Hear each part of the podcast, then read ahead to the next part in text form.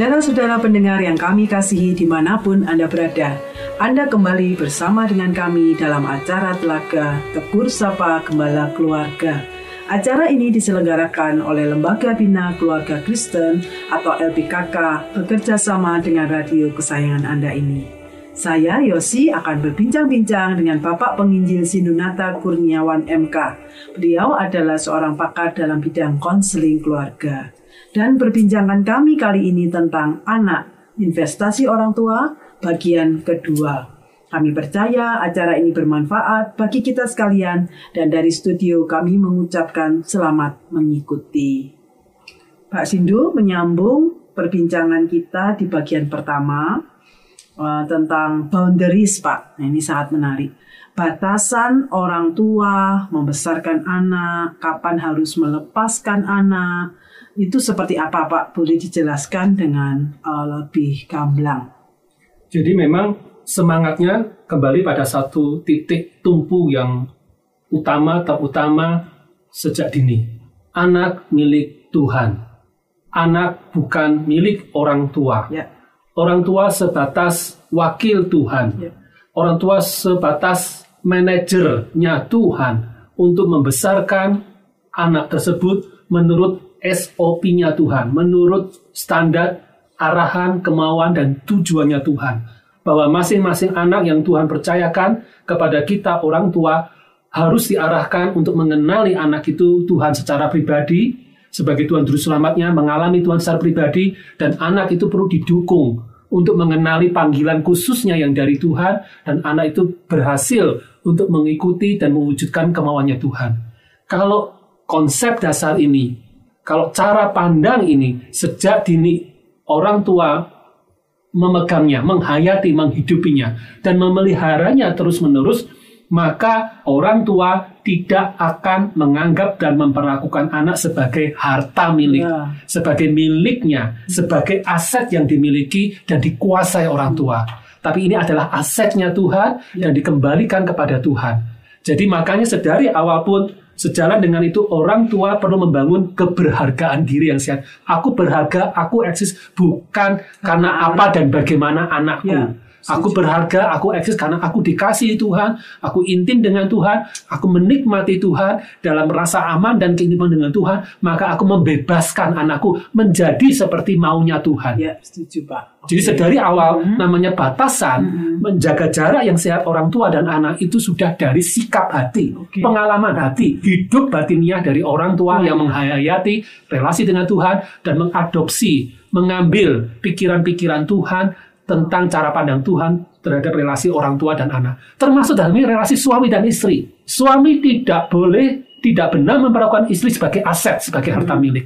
Sebaliknya istri pun tidak berhak menganggap suami sebagai Tuhan atas hidupnya, ya. protektor, hmm. pelindung, penjamin hidup ya. tidak sehat. Pelindung yang sejati, rasa aman sejati hanya di dalam Tuhan. Amin. Ada batasan yang sehat antara suami dengan istri istriku jungkir balik seperti apa bukan berarti merebut rasa amanku hmm. yang sejati di dalam Tuhan. Suamiku mengalami jatuh bangun bukan berarti membuat hidupku akan juga jatuh bangun seperti itu.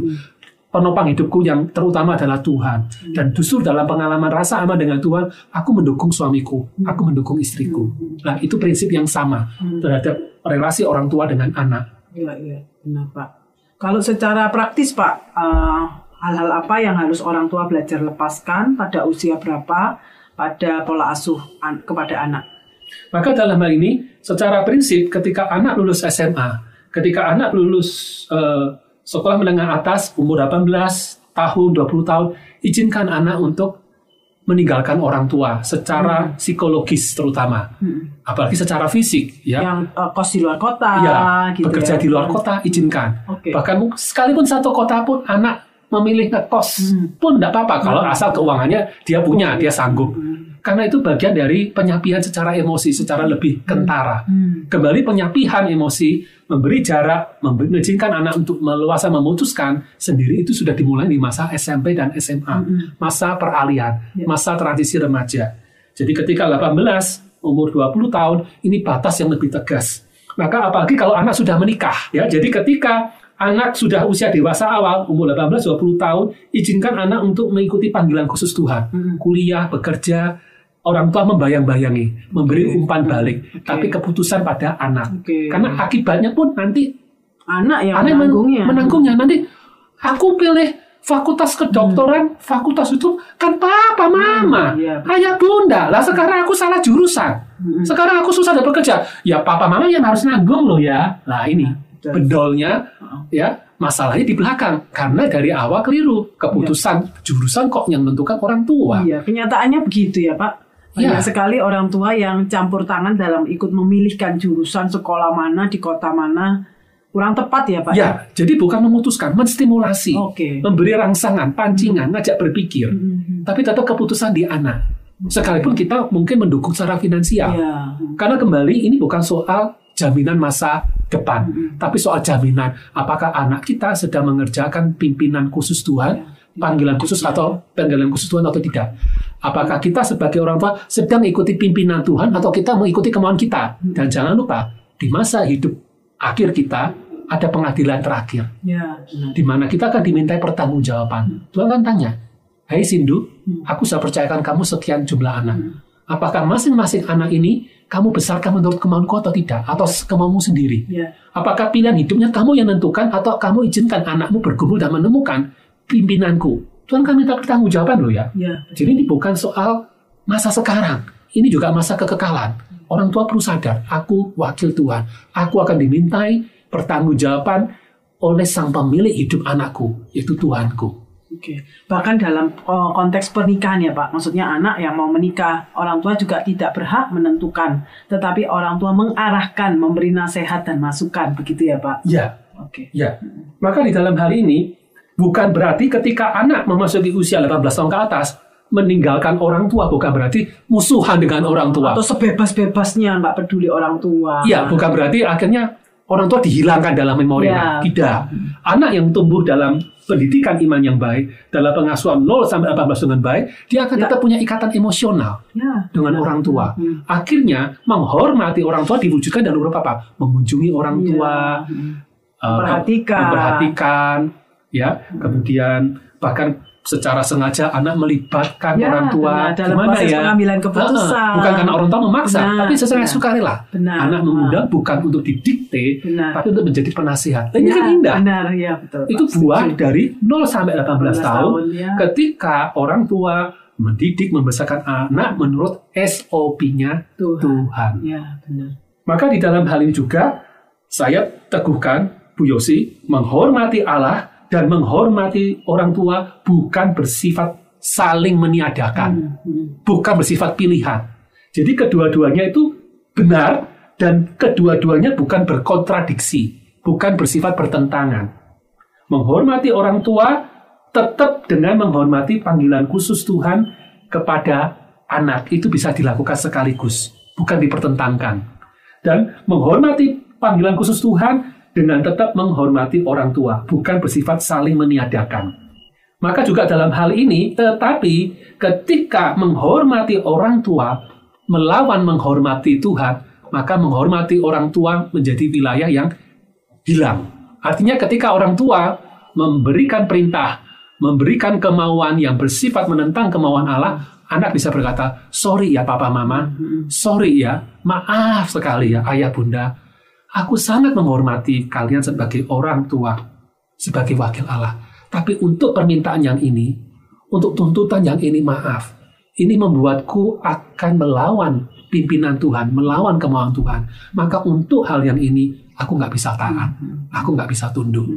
Itu benar justru di dalam Tuhan. Maka dikatakan, hormati, taati orang tuamu di dalam Tuhan. Sejalan dengan bahasan kita di dalam surat Efesus pasal Pasal 6 tadi. ayat 1 sampai 4 tadi. Bagaimana kalau orang tua tidak bisa menerima atau marah dengan sikap anak yang walaupun asertif ya, tapi dia berani tegas menolak, Pak? Misalnya, kita tidak bicara tentang perintah orang tua untuk mencuri, membunuh, dan sebagainya ya. Tapi misalnya tentang panggilan hidup menjadi seorang hamba Tuhan yang orang tua tidak bisa setuju gitu ya. Langsung eh, orang anaknya belajar asertif dan berkata, maaf papa mama, tapi ini panggilan hidup saya. Dan dia tetap ngotot untuk misalnya masuk sekolah Alkitab dan orang tua marah. Sejauh mana Pak anak itu eh, boleh tetap me- me- melakukan panggilannya? Jadi kembali kasus itu harus tunduk kepada prinsip. Situasi-situasi aktual, kekinian, situasi kontemporer, situasi yang terjadi sesaat Hmm. tunduk kepada sesuatu yang kekal, yang bersifat mutlak, prinsip itu namanya. Nah, kembali prinsipnya hormat orang tua itu di bawah tunduk pada hormat pada Kepada Tuhan. Kepada Tuhan. Ya. Jadi ketika itu berbenturan, tetap anak bisa mengkomunikasikan, Hmm. maaf papa mama, papa mama kan pengen aku bahagia kan, Hmm. pengen aku sukses kan, Hmm. maka papa mama kan mengarahkan aku ke fakultas kedokteran kan, Hmm. mengarahkan aku untuk jadi pengusaha kan. Hmm. Waduh, terima kasih loh papa mama, Hmm. engkau memang sayang sama aku, Hmm. terima kasih. Tetapi maaf, di Hmm. dalam perjalanan pergumulanku dengan Tuhan, aku menemukan berkali-kali berulang kali Tuhan memimpin aku, meyakinkan aku lewat sebuah proses yang bisa aku pertanggungjawabkan, lewat proses yang cukup panjang bahwa aku dipanggil untuk menjadi seorang pekerja Ya. sosial, Hmm. kerja untuk melayani masyarakat di luar Jawa, Hmm. di masyarakat yang kurang beruntung. Memang secara ekonomi penghasilanku Iya. akan lebih kecil, Hmm. tapi Tuhan memanggil aku demikian dan aku bahagia. Hmm. Hmm. Mungkin kalian nggak setuju, oke, Hmm. tapi aku akan bertahan dengan pilihan ini karena aku mau Oke. menghormati kalian dengan cara aku menghormati Tuhan yang juga papa mama sembah. Jadi maaf untuk yang kali ini kalau aku mengecewakan papa mama ya. Oke. Aku minta maaf Meskipun sekali. menerima resiko tadi ya, mungkin kita mengecewakan orang tua, tetapi sejauh kita melakukan di bawah takut akan Tuhan, maka itu uh, Tuhan yang akan bereskan gitu ya Pak. Ya, sekalipun mungkin juga berarti pada titik itu anak siap tidak dimodali. Iya, iya benar. Oke ya, Ah. boleh kamu lakukan. Ah. Katanya Tuhanmu yang mimpin kamu ya, Ah. melayani masyarakat miskin. Oh, iya. Tapi kamu siap dicoret dari Ah. surat warisan ya. Ya Iya. oke papa Ah, mama, iya, oke. aku siap. Itu menanggung resiko ya, Iya. Pak. Oke. Jangan anak bimbang dengan aku Butuh, mau ah. butuh uangnya papa Ah. mama, butuh maunya Tuhan. Ah, iya, iya. Itu adalah pilihan. Oke. Tidak bisa kita ambil dua-duanya dalam banyak hal. Baik, Pak. Ya, maka dalam hal ini, Bu Yosi sesuai dengan bahasan kita, anak investasi orang tua, Hmm. maka dalam hal ini memang anak bukan investasi orang tua. Hmm. Ya. Ya, dalam hal ini orang tua perlu menghormati anak sebagaimana menghormati Tuhan yang memiliki anak ini. Anak ada panggilan khusus ya, orang tua mengizinkan anak ikuti panggilan khusus itu. Nah, satu sisi yang lain bahwa sebagai wujud hormat anak yang sudah berusia dewasa, anak yang sudah punya penghasilan, maka dia bisa mewujudkan rasa hormat itu dengan menyediakan sekian persen penghasilannya untuk diberikan kepada orang tuanya. Hmm. Mungkin orang tuanya masih berkecukupan, Ya. tidak apa-apa. Hmm. Tapi uang itu bisa disisikan satu persen, dua persen, lima persen, ditabung lah. Nanti waktu ulang tahun orang tua dibelikan sesuatu. Lah orang tua kan senang.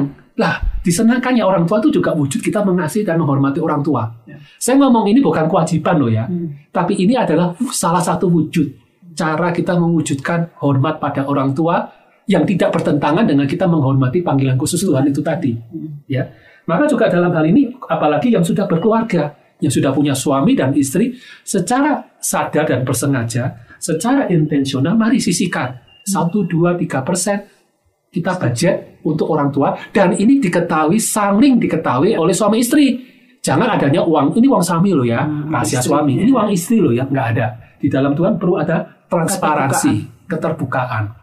Termasuk dalam hal ini, budget ini bukan berarti bersifat kaku. Ada kalanya orang tua mengalami musibah dan sangat membutuhkan bantuan. Nah, ada kalanya kita ditantang secara iman. Oke, selama ini ada budget dan aku sudah tabung, aku sudah berikan. Kok ini melampaui budget ya?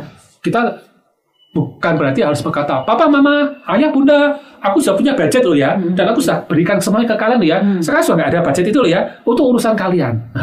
ada kalanya Tuhan menantang secara iman. Hai Sindu, ini ada kebutuhan mendesak. Aku mau mendorong kamu tetap memberi, melampaui budgetmu Ya. sebagai langkah iman. Yakinlah, kalau engkau memberi, maka aku akan memberkati kamu. Amin. Nah, ada kalanya begitu. Dan silakan didoakan. Digumuli dengan Tuhan, dengan pasangannya kalau sudah menikah. Apakah Tuhan memimpin kita mengambil langkah iman, mengurangi budget untuk tabungan kita di masa tua, untuk menolong orang tua kita yang sedang musibah atau mertua Ya. kita yang sedang musibah ini? Kalau ada keyakinan iman, ah, beranilah melangkah dengan iman. Karena dia kembali jaminannya bukan budget yang kita susun. Jaminan sesungguhnya adalah pemeliharaan Tuhan. Amin. Ya, setuju. Silakan. Hmm. Tapi ini bukan pola. Ya. Jadi selalu mengosongkan tabungan untuk anak, tabungan untuk sekolah anak, tabungan untuk kita, orang tua, uh, suami istri, selalu dikosongkan untuk atas nama orang tua. Itu yang salah. Tidak bertanggung jawab juga ya Pak. Tepat. Hmm, hmm, hmm. Ya, jadi eh, meskipun anak tidak boleh dituntut menjadi penyedia uang buat orang tua di masa tua, tetapi anak dengan rasa kasih, dengan rasa hormat eh, boleh memberikan bantuan keuangan buat orang tua dan dengan- tentunya dengan tetap bertanggung jawab gitu ya Pak. Ya.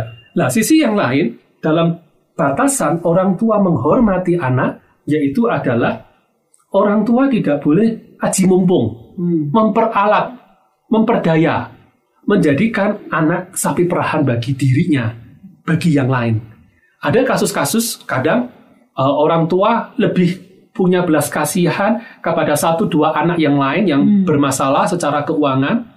Kemudian dia minta kepada yang dianggap sudah Lebih bisa mampu. mandiri, Hmm. lebih mampu, dan dia kemudian memanipulasi, membujuk-bujuk, bahkan dalam beberapa kasus membohongi. Ya. Ini untuk papa mama, untuk apa sih? Kan sudah papa mama saya kasih. Ya, untuk ada kebutuhan besar mendesak pada ujungnya untuk membantu saudaranya. Ya. Dan satu sisi kadang saudara itu juga aji mumpung. Ya. Dia sedang menanggung kesalahan keuangan karena keputusan yang salah yang semestinya sudah diperingatkan. Dan akhirnya cara gali lubang tutup lubang ini membuat sang anak yang hidupnya stabil dirugikan, Hmm. sang anak yang hidupnya tidak bertanggung jawab semakin disuburkan Dihubungkan, ya. perilaku tidak bertanggung jawabnya itu. Lah, ketika dalam hal ini orang tua kembali harus bersikap benar di hadapan Tuhan. Hmm. Tetap dia adalah melihat kamu adalah hambanya Kristus. Ya. Kamu adalah hambanya Allah. Hmm. Kamu akan dimintai pertanggungjawaban. Apakah otoritasmu sebagai orang tua sedang kamu salah gunakan atau kamu sedang gunakan dengan benar? Karena kalau kita menyalahgunakan otoritas atas nama kita meminta anak yang hidupnya benar untuk selalu menanggung anak yang hidupnya salah dan akhirnya anak hidup salah pun akan selalu terpelihara perilaku salahnya, kita menjadi wakil Allah yang bersalah Benar. dan Tuhan akan memberi ganjaran di dalam pengadilan terakhir kepada kita. Ya. Jadi orang tua harus bijaksana juga ya Pak ya. Walaupun memang sama-sama anak pasti sama-sama disayangi, tapi bukan tidak berarti mengorbankan anak yang satu demi kepentingan yang lain ya Pak. Betul. Maka juga sejalan dengan itu Bu Yosi, kalau sang anak ini menyadari anak yang hidupnya benar, Hmm. bertanggung jawab, kemudian terus dimintai orang tua terus menerus, bukan sesekali ya, Hmm. terus menerus untuk tujuan yang salah. Kadang beberapa orang tua kan tidak bijak, Ya. dia memanfaatkan anak itu. Nah, maka anak yang sehat perlu berani menegaskan Berhak, ya. batasannya. Ya, berhak menarik batasan yang tegas ya Pak. Ya, Hmm, hmm, maaf papa mama untuk kali ini untuk budget ini aku nggak bisa ber oh ya. Anak durhaka ya. berani menolak kemauan orang tua. awas ya. Nanti papa mama ayah bunda doakan. Apa pun yang kamu lakukan pasti gagal terkutuk sakit penyakit semuanya. Masalah akan muncul ya. Oke. Hmm. kalaupun orang tua sampai sebrutal Malah, itu hmm, hmm. mari kita berkata hidupku di tangan Tuhan Ya. hidupku bukan di tangan orang tua. Berkat itu dari Tuhan. Kalau aku hidup benar, Tuhan pasti memberkatiku. Sekalipun orang tua mengutuki aku. Jadi kita berani naik batasan, menolak Hmm. kemauan orang tua. Demi kita sebagai kembali, anak juga adalah hamba Kristus. Yang akan dimintai pertanggungjawaban. Bagaimana mengelola hidup dan keuangannya. Apakah menurut kemauan Tuhan atau sekedar ingin menerima penerimaan orang tua yang semu, Ya, yang ya. bersifat sesaat itu.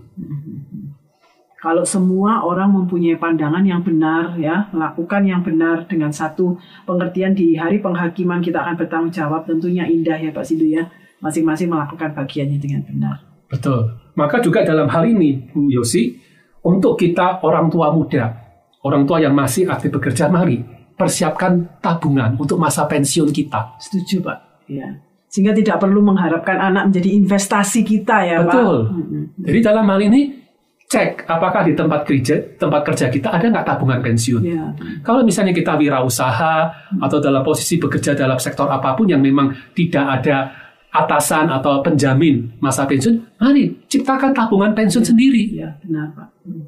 datanglah ke bank tertentu atau lembaga keuangan yang diakui negara untuk kita punya upaya tabungan untuk masa tua sehingga kembali tidak mengharapkan pada anak seperti yang tadi Bu Yosi sampaikan. Setuju Pak, kita mengharapkannya kepada Tuhan yang tidak akan pernah mengecewakan kita, ya Pak ya. Ya. Maka dalam hal ini Bu Yosi juga ini kasusnya sama dengan kasus anak-anak yang mengubur karir dan panggilannya demi memelihara orang tua di masa Oke. lansianya, Ya. di masa tuanya. Bu Yosi tentu pernah tahu kasus-kasus peristiwa-peristiwa seperti itu. Ya benar Pak. Biasanya anak usia berapa atau dalam kondisi apa yang diminta merawat orang tuanya sampai orang tua meninggal. biasanya sampai eh, tidak menikah demi merawat orang tua gitu ya. Mungkin juga anak bungsu biasanya yang paling kecil karena yang kakak-kakaknya sudah menikah, dia harus eh, meninggalkan karir, meninggalkan panggilannya untuk merawat orang tua yang sakit. Benar. Maka dalam hal itu Bu Yosi ini kembali kepada prinsip firman Tuhan. Bukan berarti kondisi orang tua itu sabdo panitoratu. Istilah Jawa ya kembali bahwa bukan berarti kondisi orang tua itu sebagai Tuhannya kita. Kembali kita harus bertanya kepada Tuhan. Kita bisa melibatkan tubuh Kristus. Libatkan Kristus dan tubuh Kristus artinya orang-orang percaya yang lain. Ya, Yang mengerti, memahami situasi kita dan keluarga kita untuk turut mendoakan. Berdiskusi, mencari pimpinan Tuhan secara khusus. Apakah memang saya harus menunda sesaat panggilan khusus Tuhan atas hidup saya demi merawat orang tua yang ataukah Tuhan menghendaki saya mempercayakan perawatan orang tua ini kepada orang-orang lain, entah perawat, entah panti breda, entah komunitas tertentu yang bisa menggantikan tugas perawatan ini, sementara saya pergi mewujudkan panggilan khusus Tuhan dan saya tetap memperhatikan lewat telepon Iya. atau lewat kunjungan selama seminggu sekali, kunjungan sebulan sekali atau periode tertentu. Bahkan mungkin bantuan keuangan ya Pak ya. Ya. Tetap kita menyediakan diri untuk Ya. mensupport. Ya. Jadi semangatnya bukan mengubur panggilan khusus Tuhan demi orang tua atau semangatnya orang tua tuh siapa sih? Itu Ya, fana, ah, ah, ah. panggilan khusus Tuhan yang lebih Yang mulia. indah ya. Ya, ya. jadi bukan hitam putih ya, Ya, setuju, tapi Pak. kita ada ruang abu-abu. Ya, ada hikmat. Ya, Tepat. ada hikmatnya. Untuk konteks Tepat. saya ini, Ya. Hikmat Apa apa, yang- Tuhan berikan? Pimpinan khusus apa yang Tuhan mau berikan sebagai jawaban atas situasi pelik ini? Libatkan tubuh Kristus, bawalah dalam doa, bahkan mungkin doa dan puasa, mencari pimpinan khusus Tuhan. Jangan sekedar ikuti pikiran orang tua, pikiran rasa bersalah kita, Iya. tapi lebih dari itu semua, Tuhanlah yang memiliki hidup orang tua. Tuhanlah yang memiliki hidup kita. Cari pimpinan secara khusus ini. Dan Tuhan akan memberikan hikmat dan damai sejahtera. Ya. Se- eh, sebagai penutup Pak, apa yang Pak Sindu mau tekankan dan pesan kepada orang tua ataupun anak yang sudah dewasa? Jadi saya mau sampaikan Matius 6 ayat 33, usahakanlah dahulu supaya Allah memerintah atas hidupmu. Lakukanlah kehendaknya. Maka semua yang lain yang dikhawatirkan, dikejar-kejar orang tidak mengenal Allah akan diberikan Allah juga kepadamu. Saya ambil dari kutipan bahasa Indonesia sehari-hari. Saya juga mau sitir satu ayat yang terakhir, Yesaya 46 ayat 4. Sampai masa tuamu, sampai putih rambutmu, akulah dia Tuhanmu. Akulah dia Tuhanmu yang akan memeliharamu. Akulah yang menciptakanmu, akulah yang akan menggendongmu. Akulah yang akan memeliharamu, akulah yang akan menyelamatkanmu. Jadi mari lewat dua bagian firman Tuhan ini meneguhkan kita bahwa libatkan Tuhan, tunduk pada Tuhan, percayakan hidup pada Tuhan, dan setia lakukan bagian kita sebagai anak, setia lakukan bagian kita sebagai orang tua ataupun orang tua yang sudah berusia lanjut. Bahwa Tuhanlah yang menjadi sumber aman pengharapan dan pertolongan kita, melampaui keterbatasan kita, keterbatasan anak kita, Ya, keterbatasan keadaan kita. Ya, kalau masing-masing baik anak ataupun orang tua menjadikan Tuhan sebagai pusat hidupnya dan sumber pertolongannya, maka semuanya pasti akan indah ya Pak ya. Benar. Maka Tuhan berjanji akan ada tadi kecukupan ya, akan akan terjadi pemeliharaan dan terjadi pertolongan Tuhan. Wow, janji Tuhan luar biasa indah Amin. buat kehidupan kita. Terima kasih Pak Sindu. Eh, saya percaya apa yang kita bicarakan ini menjawab pertanyaan rekan-rekan pendengar sekalian. Para pendengar sekalian, terima kasih Anda telah mengikuti perbincangan kami dengan Bapak Penginjil Sindunata Kurniawan MK dalam acara Telaga Tegur Sapa Gembala Keluarga. Kami baru saja berbincang-bincang tentang anak investasi orang tua bagian kedua. Bagi Anda yang berminat untuk mengetahui lebih lanjut mengenai acara ini, silahkan menghubungi kami lewat surat. Alamatkan surat Anda ke Lembaga Bina Keluarga Kristen atau LPKK, Jalan Cimanuk nomor 56 Malang. Atau Anda dapat mengirimkan email ke telaga@telaga.org. Kami juga mengundang Anda mengunjungi situs kami di www.telaga.org. Saran-saran, pertanyaan, serta tanggapan Anda sangat kami nantikan. Akhirnya dari studio kami mengucapkan terima kasih atas perhatian Anda dan sampai jumpa dalam acara Telaga yang akan datang.